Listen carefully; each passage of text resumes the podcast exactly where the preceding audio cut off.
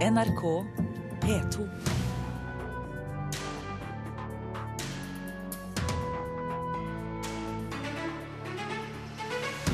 Storaksjon blant dramalærere på 70 skoler vil ha drama som fag i grunnskolen.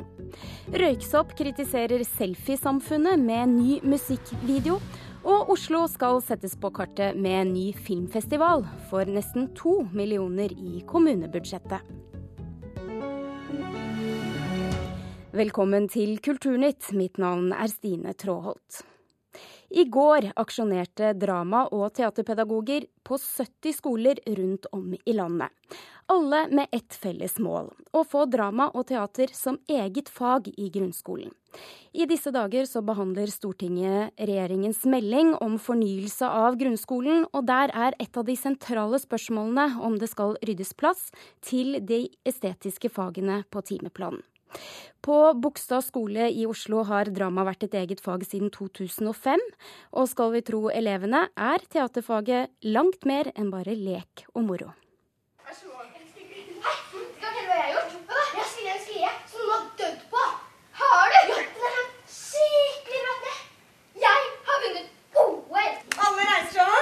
Skolefri er over for i dag på Bogstad skole i Oslo. Den neste timen skal skolens sjette klasse få gjøre noe få andre på deres alder i landet får gjøre på skolen. Å drive med drama. Et tablå fra en friminuttsituasjon. Men det skal være én på gruppen som ikke har det bra. I går holdt organisasjonen Drama- og teaterpedagogene en aksjon på 70 skoler i landet for å vise at flere skoler burde gjøre det samme som Bogstad, i forbindelse med at det 11. oktober blir lagt fram en stortingsmelding om fornyelse av grunnskolen. Og skal vi tro barna selv, så handler dette om langt mer enn bare lek og moro. Når du har drama en time, og timen etterpå, da er det mye lettere å konsentrere seg, for da har man fått brukt kroppen og stemme litt, da. Så da er det mye lettere å sitte stille. Altså, Før vi fikk drama, så var det alltid litt sånn skummelt å skulle komme fram og vise presentasjoner og sånn for hele klassen eller trinnet. Men nå, det, nå, er det mye lettere, fordi jeg vet at ingen av dem vil noe vondt med meg. Måte, og vi er alle sammen er gode venner. på en måte. Man eh, blir mye mer kjent med hverandre. Det gjør at man blir tryggere på hverandre. da. Så det hjelper jo vanvittig mye. Alle, alle sammen har liksom lyst til å komme fram og snakke for klassen. De som på en måte er veldig trygge på seg selv da, fra før av, de har kanskje blitt litt mer obs på de som ikke er så trygge på, selv, på seg selv, da, og kanskje er litt forsiktige med å le hvis de gjør noe feil, eller å støtte dem når de først rekker opp hånda og sånn. da. Drama hjelper litt til med å vise, eller kjenne hvordan andre personer kan ha det og sånn. Jeg, jeg, føler meg i hvert fall mer trygg nå på noen andre elever som ikke går i klassen min. Men nå etter vi har starta med drama, så føler jeg litt mer trygghet, da. Eh, etter hvert så venner man seg til det, og man er ikke så redd for å si ting høyt eller komme med nye forslag. Så jeg syns det hjelper veldig i både hverdagen og på skolen. Og Rektor Brynhild Farbrot forteller at de får gode resultater av å bruke én time fra barnas ukentlige fysiske aktivitet til dette. Vi ser at det gir trygge elever. Eh, elever som får alternative måter å uttrykke seg på. Eh, ikke bare skriftlig, ikke bare å stå og lese opp en tekst, men eh, de, de er flinke til å ta andre roller. Og så er det den generelle delen av læreplanen det med å utvikle gode selvstendige, solide mennesker.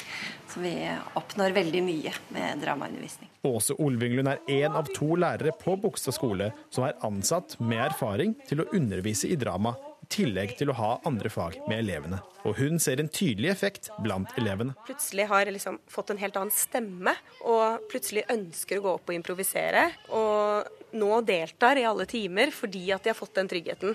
Derfor mener hun og barna at regjeringen selv må sette drama på timeplanen. Og det at de blir bedre til å delta, snakke foran forsamlinger. De har mer tro på seg selv, rett og slett, og samarbeider bedre. Jeg syns jo menneskets uh, altså selvtillit og, og tro på seg selv bør være viktig i skolen. Reporter Nikolai Volstad Henrik Asheim i utdanningskomiteen for Høyre på Stortinget. Det er ganske klar melding fra både lærere og ikke minst elever her. Er det verdt å lytte til? Ja, definitivt. Og nå holder vi på med innholdsmeldingen i skolen som skal si noe om hvordan fremtidens skole skal være. Og jeg kan si at noe av det jeg bruker mest tid på nå, tror jeg alle i utdanningskomiteen gjør, det er å møte folk som vil ha et nytt fag. Eh, og hvis vi hadde sagt ja til alle dem, så ville det ikke vært nok timer i døgnet til å ha alle de fagene vi skal ha inn i skolen. Men bør dramafag være et nytt fag i skolen? Nei, jeg mener ikke det. Jeg mener ikke at vi skal lage et eget fag som er drama, men jeg mener at drama er et veldig godt pedagogisk verktøy. Jeg har selv hatt møte med dramapedagogen om dette og sett hvordan det kan brukes på en god måte. Men spørsmålet er hvordan vi da kan få det inn i undervisningen. Og noe vi har gjort, er jo å legge dette inn i den nye lærerutdanningen, sånn at alle lærerne som kommer ut i skolen, kan bruke drama som verktøy. Men det betyr ikke at vi skal ha to timer drama hver uke. Audun Lysbakken, holder det å bruke drama som verktøy og ikke la det være et eget fag i skolen? Det er jo veldig bra å gjøre det, og det er gode muligheter innenfor dagens uh, timefordeling til å, å, gjøre dette. Men vi mener at uh, timetallet i grunnskolen bør uh, utvides noe for å gi plass til mer praktisk og aktiv læring. Og at det er på tide at vi tar en gjennomgang av fag- og timefordelingen for å gi plass til et bredere læringssyn, rett og slett. Og det er det dette handler om. Vi har fått veldig tydelige anbefalinger fra ledende eksperter på skoleundervisning i det såkalte Ludvigsen-utvalget nylig, som har gitt regjeringen råd. Eh, en av de store manglene i norsk skole mener de, er at vi ikke i stor nok grad dyrker kreativiteten blant eh, barna våre. Det må til for at vi skal være et eh, innovativt samfunn i morgen. Og hvis vi skal skape en mer kreativ skole, da må vi ha flere utradisjonelle undervisningsformer, mer plass til aktiv og praktisk læring, og vi tror også at det er nødvendig med mer tid til de praktisk-estetiske ja, og rent fagene. konkret da, hvordan vil dere i SV gjøre plass til teaterfaget? Må norsk eller matte eller gym vike, f.eks.?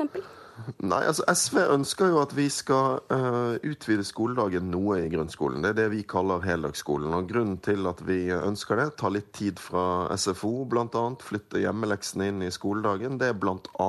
at vi vil ha noe større rom i, uh, i skoledagen for uh, praktisk-estetiske fag. Så får vi se hvilke fag det skal være. Om vi skal ha et eget dramafag f.eks., har ikke vi konkludert på, men vi vil ha mer rom for de praktiske fagene.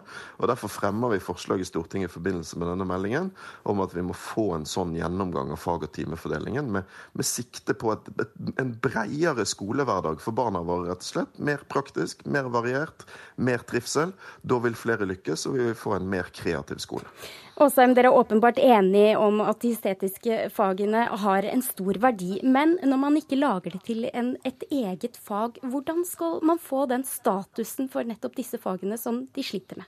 Ja, Det er noe av det som vi gjør nå. For det spørsmålet du stiller, stilles egentlig ganske mange. og det er Hvis ikke det er et fag, hvordan kan man da si at det er viktig? Og Det har vært en litt forstyrrende ordning i norsk skole. Det vi jobber med nå, det er å si hva er det norske barn trenger i fremtiden å kunne? Og det er mye mer enn bare å regne og skrive. Det må være f.eks. å tenke kritisk, tro på seg selv osv. Og så setter vi noen klare rammer for hva de kompetansene skal være. Men så har jeg veldig respekt for at ute i skolen så jobber det masse utdannede pedagoger som vet hvordan de kan bruke liksom en vifte av verktøy for å lære barna det de skal lære. Så jeg er veldig redd for også å gå inn og si at akkurat denne metoden fungerer på alle skoler fordi den fungerte her. Drama tror jeg kan hjelpe veldig på selvtilliten og gjøre at barna blir kjent med hverandre. Men jeg vil at lærerne selv skal bestemme når og hvordan de skal bruke det. Lysbakken, alle skoler er jo ikke like. Det er helt sant, men jeg mener Asheim og Høyre igjen og igjen undervurderer behovet for et løft for den praktiske læringen og kreativiteten i skolen. Og vi ser at denne regjeringen er veldig smal i sitt syn på læring, veldig smal i de tiltakene den kommer med. Det varsles uh, altså flere obligatoriske eksamener uh, f.eks. som vil rette enda mer av grunnskolens virksomhet inn mot de tradisjonelle undervisningsformene, de tradisjonelle fagene. Høyre vil ha flere mattetimer osv. Mens det ekspertene sier, er at vi har behov for en mer praktisk praktisk og variert skoledag. Det kommer til å komme utvidelser av skoledagen i framtiden. Spørsmålet er i hvilken retning. Da vil vi ha mindre av den tradisjonelle undervisningen, mer praktisk og variert undervisning, og vi må ha større rom for de praktiske fagene. Men det er jeg helt enig i, men da er det altså sånn at da kan vi ikke si at vi skal nå bestemme at én metode eller én ting skal bli et ekstra fag. Det er jeg veldig opptatt av, å gi nettopp lærerne den metodefriheten de skal ha. Og så skal vi som politikere være klare på hvilke kompetanser barna skal ha. Og det arbeidet vi gjør nå, som Ludvigsen helt riktig har spilt inn viktige ting på, det tror jeg er kjempeviktig for å lage den skolen som vi trenger for framtiden. Men det må være tid til det, Henrik, og derfor så må vi ha en gjennomgang av fag- og timefordelingen. Og det, det jo... det fremmer vi nå, og så kan du stemme for. Ja, og, og så er det jo sånn at det er et kulturskoletilbud da, for veldig mange barn i dag, og hvor det er tid til nettopp slikt, eh, Lys, Lysbakken. Ja, altså En av de tingene denne regjeringen har gjort, er å ta bort det kulturskoletilbudet som ble lagt eh, inn i eh, skoledagen, der målet var at alle skulle få et, et sånt tilbud. Sånn at denne regjeringen har vist veldig tydelig at den ikke satser på kultur i skolen. Vi har veldig behov for en satsing på kultur i skolen. Vi vet at kulturskolen i dag er et godt tilbud, men det er ikke for alle. Det er riktig at vi fjernet den gratis kulturskoletimen og brukte de pengene på etter- og videreutdanning av lærere. Det tror jeg var veldig riktig prioritering, og det støttet lærerne på oss, oss på også. Men det er altså sånn at hvis vi faktisk nå skal få til det som er målet, og det er å lage en skole hvor elevene kan mestre tilpasses undervisning til den enkelte, så er jeg så opptatt av at vi Audun, ikke nå begynner å overkjøre de pedagogene som er der ute, og si at dette skal vi gjøre, dette tror vi på, fordi her er et eksempel på noe som har fungert. Det, er, det har vært altfor mye av norsk skole. og Derfor så må vi også si at vi skal ha de basis grunnleggende ferdighetene. Lese, skrive og regne skikkelig. Det er det aller viktigste. For det er ikke noe sosialt med å ha en skole hvor hver femte elev går ut uten å kunne lese og skrive Men skikkelig. riktig, men men, så skal vi, men så skal vi samtidig si Men at vi må runde av denne debatten, og du skal få svare kort på det til slutt, Dere må slutte å tro at den eneste måten å lære basisferdigheter på er mer av den tradisjonelle måten å undervise på. Vi må ha en bredere skole. Og dette med å overkjøre pedagoger vet dere mye om. Dere er i konflikt med de stadig vekk. I går krevde jo pedagogene det du sier nei til nå. Debatten eh, fortsetter på Stortinget. Henrik Asheim eh, fra Høyre og Audun Lysbakken eh, i SV, takk for at dere var med i Kulturnytt. Reporter Philip Johannesborg, eh, du har lest avisene for oss, og Dagens Næringsliv forteller i dag at flere unge faktisk vil betale for å lese aviser på nett. Hvordan kan det ha seg? Ja, det kan se slik ut, i hvert fall hvis man skal tro Skipstedt. De norske Skipstedt-avisene, inkludert av Aftonbladet og Svenska Dagbladet, har nemlig hatt en økning på 37% i digitale abonnementer de siste tre årene. Og kommersiell direktør i Skipstedt Tor Jacobsen sier at Dagens Næringsliv at det er spesielt de unge, altså 20-åringene, som strømmer til de digitale abonnementene. Eh, Men 70-åringene derimot de foretrekker å måtte gå til postkassen for å hente papirversjonen. Eh, Jacobsen mener at det henger sammen med at ungdommen har blitt mer vant med å betale for strømmetjenester som Netflix og Spotify. Er det grunn til å tro at de eldre vil følge etter her? Um, det kan se slik ut. Sjefen for TV 2 Sumo, Christian Brurarøy, sier til Dagens Næringsliv han også at han tror de yngre omfavnet slike digitale tjenester pga. friheten som det fører med seg. For plutselig så kan du jo se TV når du vil, og hvor du vil. Men så snart dette da har etablert seg, så tror han at de eldre vil følge sakte etter. Takk, reporter Philip Johannesborg. Og da skal vi over til Oslo Pix. Det er navnet på en ny filmfestival, og nå får den 1,9 millioner kroner i budsjettet som legges frem i dag. Kulturbyråd Rina Mariann Hansen sier at det dermed er klart for en festival i hovedstaden neste sommer. Dette byrådet har lyst til å satse på Oslo som filmby. Vi har jo veldig gode erfaringer fra vi hadde innspilling av 'Snømannen' her. Og vi har også lagt fram en filmmelding hvor vi ønsker å gå breiere ut, både når det gjelder å få flere innspillinger, få flere alternative visningssteder, og også da å etablere en ny filmfestival i Oslo. Det gjør vi for å rett og slett sette Oslo på kartet. Det er jo ikke mange andre hovedsteder som ikke har sin egen filmfestival. eh, Så det skulle egentlig nesten bare mangle at ikke Oslo også nå eh, satser på det. Ønsker dere da å ta opp kampen med andre filmfestivaler? Eh, Jeg tror at Oslo er interessant nok i seg sjøl til at vi kan etablere en egen filmfestival her. Det blir jo kanskje en litt annen nisje enn hva f.eks. man har i Tromsø, eller kanskje hva man har også i andre land. Men det er jo åpenbart sånn at Oslo begynner å bli veldig interessant. Det skjer mye her på filmfronten. Både internasjonale produksjoner som vil komme hit, men også at vi har et veldig sterkt filmmiljø i Norge, som også mange andre land ser til. Reporter Tone Staude. Klokken er nå 16 minutter over åtte, og dette er nyhetsoverskriftene i Nyhetsmorgen. Israels tidligere president og nobelprisvinner Shimon Peres døde i natt, 93 år gammel. Peres fikk hjerneslag tidligere i september og var innlagt på sykehus. Personer uten lovlig opphold i Norge får ikke nødvendig helsehjelp. Grunnen er et svakt lovverk og manglende kunnskap blant helsepersonell, mener Røde Kors. Og i morgen kan det bli streik blant lokomotivførerne. Kommer ikke LO Stat og Spekter til enighet ved midnatt, kan det bli togstans i Oslo og Akershus. Da gruppa Røyksopp ga ut albumet The Inevitable End for to år siden, annonserte de i samme slengen at det var deres siste. For i stedet for å lage album, skulle vi få musikk i andre formater og fasonger. Og det har bl.a. blitt til Dagsrevyens nye vignett og musikk til en Star Wars-inspirert plate og teater. Og i høst kom singelen Never End med Susanne Sundfør.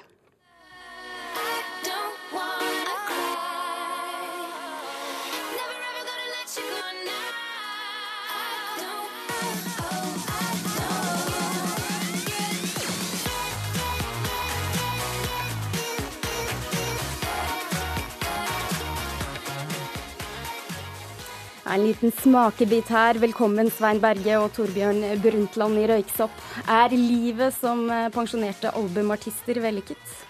Eh, ja, eh, kan man si. Og så må jeg bare korrigere og si at vi tok et adjø til det tradisjonelle albumformatet. Det var det som var vår tanke. Hvorfor var det viktig? Det var rett og slett fordi at vi følte vi hadde lagd de albumene vi ville lage. Altså vi hadde fått gjort uttrykt oss sjøl, for å si det sånn, som artister og kunstnere i forhold til det spesifikke formatet. Så derfor ville vi gi oss på topp, da, i, i gåseøyne. Og nå har dere laget en, en ny singel som vi hørte et kutt fra her, med en tilhørende video. Og der tar dere et eh, slags lite oppgjør med selfiesamfunnet. Hvorfor det? Ja, oppgjør, smoppgjør. Vi, I hvert fall ligger en kritikk under der. Nei, det, det, jeg synes det, var, det, det, er for tungt å kalle det et oppgjør med, med selfie-generasjonen, eh, eller kulturen. Men hva, det, vi hva vil du si? Vel, nei, det vi tenker er vel, spesielt i denne videoen her, at vi framstiller oss sjøl kanskje ikke som det de, Altså på den beste måten eh, som er mulig. Vi har med vilje gjort det. Eh, og det er jo fordi vi syns det er litt mer interessant. Folk må vise seg fra litt andre sider enn den de sjøl syns er den beste sida. Ja, hvordan opplever dere at det er i dag? Ja, altså Det blir så tungt hvis man skal liksom ta et oppgjør med en hel sånn type kultur. Det, folk får nå bare holde på, rett og slett. Ja. Ja. Man skal ikke være så veldig bombastisk, tenker vel vi da, men at uh, vi, vi, opplever sjøl at vi syns for vår del det er mer interessant å fremstille seg sjøl på den måten vi har gjort i denne videoen her eh, istedenfor å gå for den kanskje mer opplagte, eh, retusjerte, elegante måten. Flatterende. Flatterende, hvor man eh, ja, skal fremstille seg sjøl som både sexy, klok, litt skummel, litt kjeltring, eh, og alt dette her pakka inn i én slags eh, forpakning. Og for de som ikke har sett det, hvordan gjør dere det da? Da det, eh, eksponerer vi litt eh, bildring og, og, og, dårlig hårfeste. Og vi er usminka i denne videoen her, som jo også gir en ekstra lite flatterende eh, gusten glans i, i fjeset. Eh, og den type ting. Og i tillegg har man også da tatt på seg eh, tidstypiske klær. Dette er for så vidt lagt til en slags fiktiv, et fiktivt tidlig 80-tall, denne videoen her. Så ja, man får, man får se det sjøl lettere på den måten, tror jeg. Men dere liker jo ikke å være sånn veldig synlige, dere to. Dere er ikke aktive på sosiale medier f.eks. Hvorfor ikke det? Um, det er vel en, en, en, naturlig nok en bevisst avgjørelse vi gjorde allerede når vi begynte med musikk, at musikken kommer først, og det er den som gjelder. Og alt annet uh, er ikke så viktig for oss.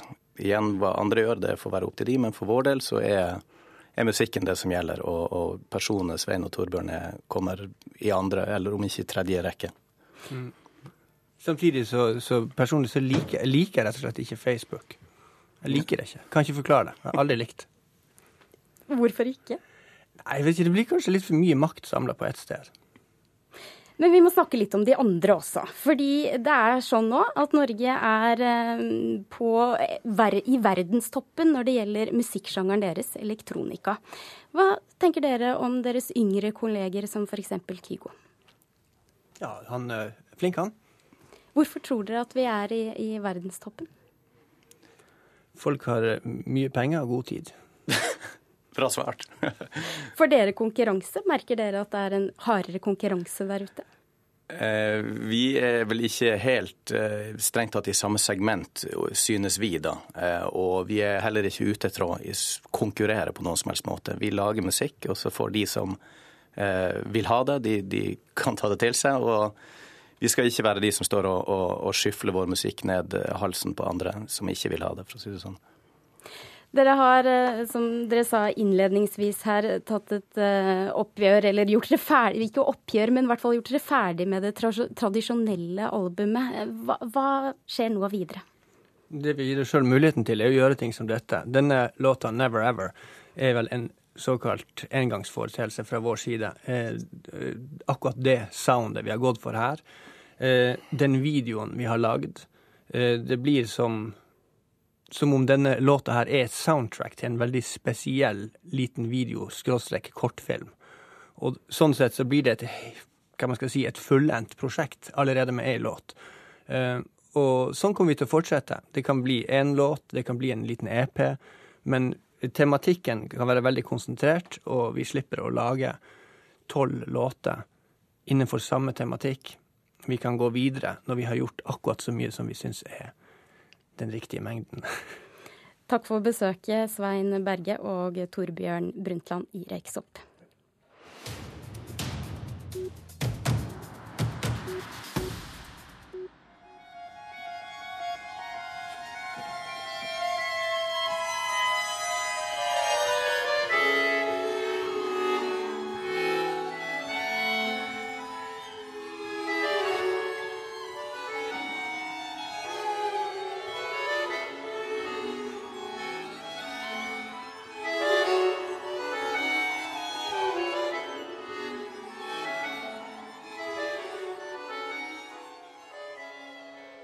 Et litt annet lydbilde her. Eh, vi skal nemlig til Trondheim, hvor byens årlige kammermusikkfestival foregår hele denne uka.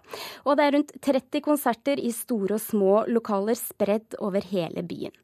Åpningskonserten i Nidarosdomen i går var dominert av musikk av Johan Sebastian Bach og årets eh, festivalkomponist, eh, som vi her hørte, danske Bent Sørensen. Og dette var hans verk 'It Is Pain Flowing Down Slowly On A White Wall', fremført av eh, Frode Hatli på trekkspill og Trondheimssolistene. Anmelder Øystein Sandvik, du var på plass i går kveld. Var det vellykket åpningskonsert? Liksom både ja og nei. Altså, tanken bak konserten var jo da å skape et slags kontrapunkt mellom Bachs Goldberg-variasjoner i et arrangement for eh, kammerorkester, fremført av Trondheimsjournalistene, og flere verk av danske Bent Sørensen, som da altså er festivalkomponisten av året. Og flere av dem ble utmerket fremført av Trondheim Vokalensemble, som er byens nye profesjonelle kor. Men den kombinasjonen, altså det å brekke opp Goldberg-variasjonene med musikk av Bent Sørensen mellom, fungerte ikke så godt for min del. Rett og slett fordi karakteren i verkene var såpass forskjellig. Ikke pga. Av avstand i tid nødvendigvis, men mer fordi det er en veldig forskjellig estetikk som dyrkes i uh, disse, disse, verkene. Så man fikk ikke helt den gjensidige belysningen som kunne ha skapt en helhet som var større enn enkeltdelene. Uh, Jeg har veldig sans for denne typen mer aktivt kuraterte konserter, hvor man prøver å, å få liksom en, en, slags dialog mellom de verkene som man setter sammen på en konsert. Men akkurat her hadde jeg faktisk foretrukket å høre Bach og Sørensen i separate avdelinger. Før vi går videre, noen ord om danske Bent Sørensen. Nei, altså, han har jo blitt en av de mest spilte nålevende nordiske komponister de siste 20 åra, i hvert fall. Uh, han hadde nylig også en urfremføring på Ultima-festivalen i uh, Oslo. Og dette skyldes nok at han skriver en emosjonell musikk med veldig tydelige røtter i, den romantiske musikktradisjonen særlig, men samtidig at han klarer å være genuint moderne og stå frem med veldig tydelig, uh, en veldig tydelig personlig uh, stemme, og mye av musikken hans er nesten smertefullt vakker. Men denne orienteringen mot tradisjonen var nok motivasjonen for å sette Sørensens musikk sammen med nettopp Bachs Goldberg-variasjoner.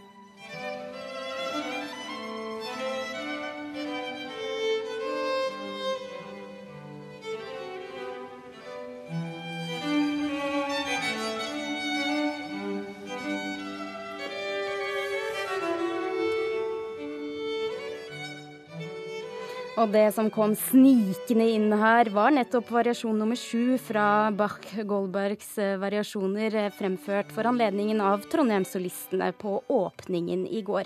Hva syns du om denne fremførelsen?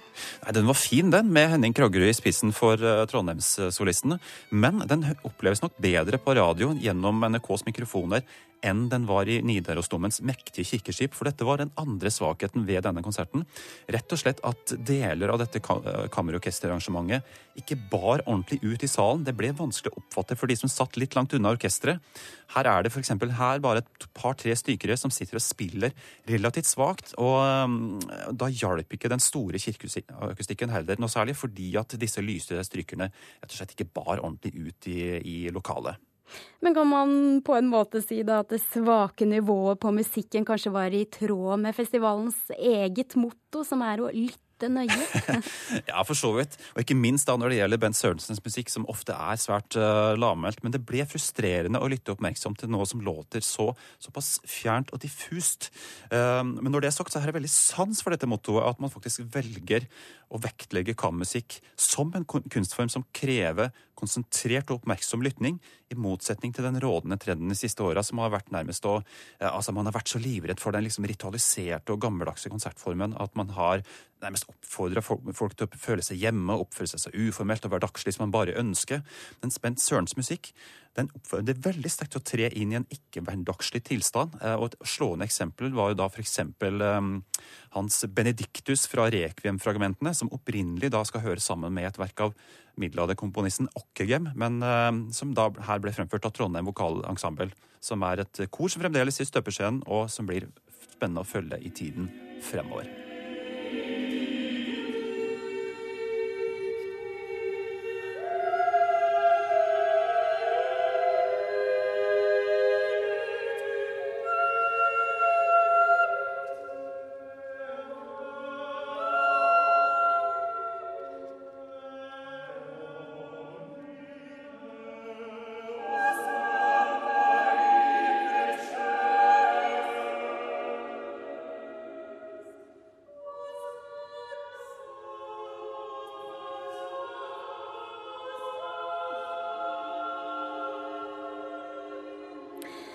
Til slutt her hørte vi et utdrag fra Benediktus fra Bent Sørensen. Og det var Øystein Sandvik som anmeldte åpningskonserten til Kommemusikkfestivalen.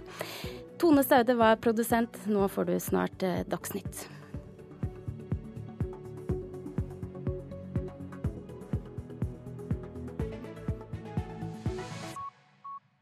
Hør flere podkaster på nrk.no podkast.